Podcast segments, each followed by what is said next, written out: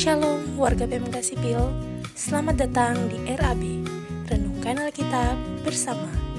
Semoga kebenaran firman Tuhan yang didengarkan menjadi berkat bagi kita semua. Selamat siang teman-teman yang Tuhan Yesus kasihi. Bersyukur kepada Tuhan karena kebaikan dan kasihnya yang besar terus melayakan kita menikmati hidup pemberiannya sampai saat ini. Di saat ini kita akan ada lagi untuk belajar firman Tuhan bersama dan kali ini dibawa tema Biblelicious yang berbicara tentang pentingnya firman Tuhan dan bagaimana supaya kita menjadi orang-orang yang peka terhadap suara Tuhan. Ya, teman-teman, pertama kita akan lihat mengapa firman Tuhan itu penting.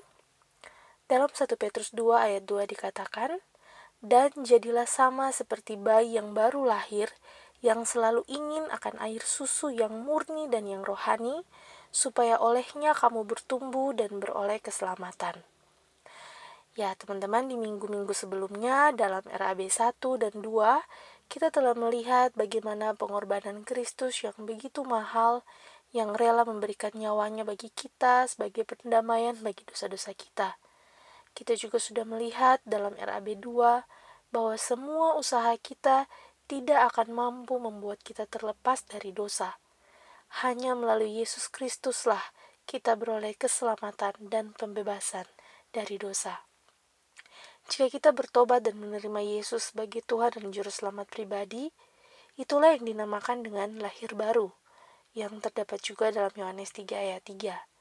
Dan dengan demikian, kita diibaratkan sebagai bayi yang baru lahir. Dalam 1 Petrus 2 ayat 2 tadi dikatakan bahwa bayi yang baru lahir itu mengingini air susu yang murni dan yang rohani. Dan yang dimaksud dengan air susu dalam bacaan ini adalah firman Tuhan. Teman-teman, Petrus tidak memakai istilah anak kecil atau anak bayi saja, melainkan newborn, bayi yang baru lahir kalau teman-teman punya adik atau ponaan yang baru lahir, bisa tidak langsung diberi makan atau asupan yang lain selain susu? Tentu tidak bisa. Satu-satunya asupan bagi bayi yang baru lahir hanyalah air susu. Dan tujuan diberikan air susu agar supaya bayi tersebut mengalami pertumbuhan. Jika air susu itu disamakan dengan firman Tuhan, apa tujuannya? Dalam terjemahan NIV dikatakan, so that by it you may grow up in your salvation artinya supaya kita bertumbuh dalam keselamatan kita. Teman-teman, secara sederhana, kita hanya dapat bertumbuh di dalam Tuhan ketika kita terus hidup di dalam firman-Nya. Sama seperti bayi yang baru lahir yang tidak punya pilihan lain selain air susu yang murni, demikian pula kita.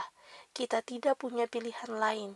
Kita hanya bertumbuh jika tinggal di dalam firman Tuhan. Yang kedua, mengapa firman Tuhan itu penting? Sebab firman Tuhan adalah penunjuk arah bagi kita.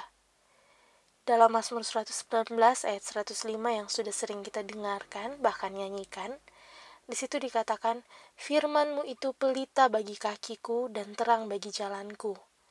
Dalam terjemahan yang lain dikatakan bahwa firmanmu seperti pelita yang memandu langkahku, cahaya yang menunjukkan jalan yang harus aku ambil.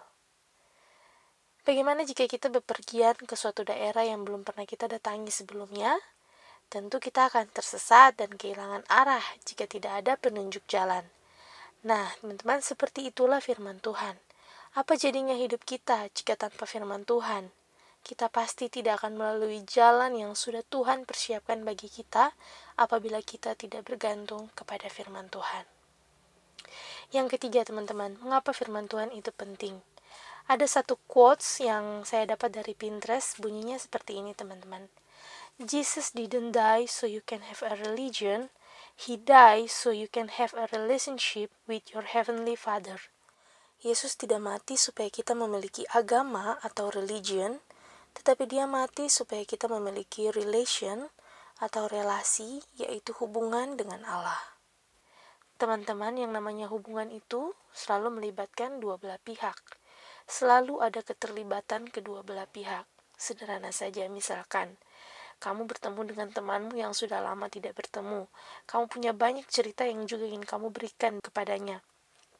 Namun temanmu ini tidak memberikan sedikit pun kesempatan untuk mendengar ceritamu dan sepanjang pertemuan itu kamu hanya diam saja.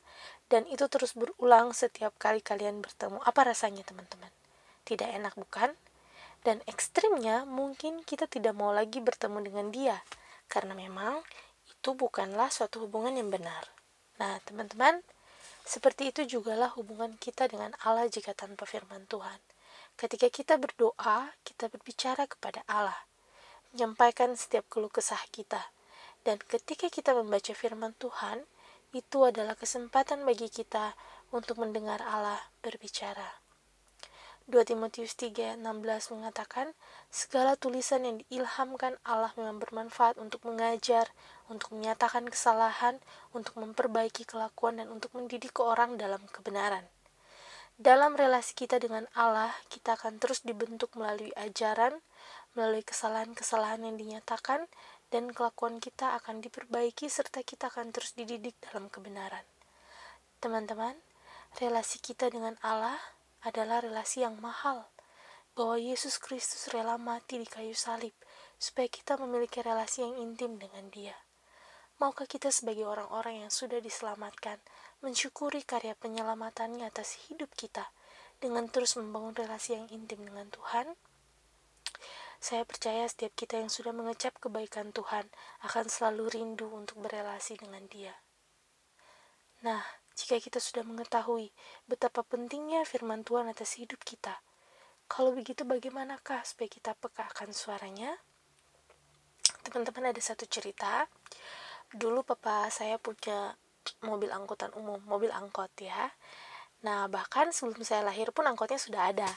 Dan itu membuat saya sangat hafal bunyi mesin mobil angkot papa saya. Jadi, uh, setiap pulang sekolah gitu ya, walaupun angkotnya masih jauh, dan belum kelihatan saya sudah tahu itu papa pasti di ujung sana. Dan karena itu angkot yang artinya ada penumpang lain juga di dalamnya yang tidak bisa menunggu. Makanya waktu saya mendengar bunyinya dan walaupun masih jauh saya sudah langsung berpamitan dengan teman-teman dan bersiap di pinggir jalan. Dan teman-teman saya pun kadang terheran-heran gitu.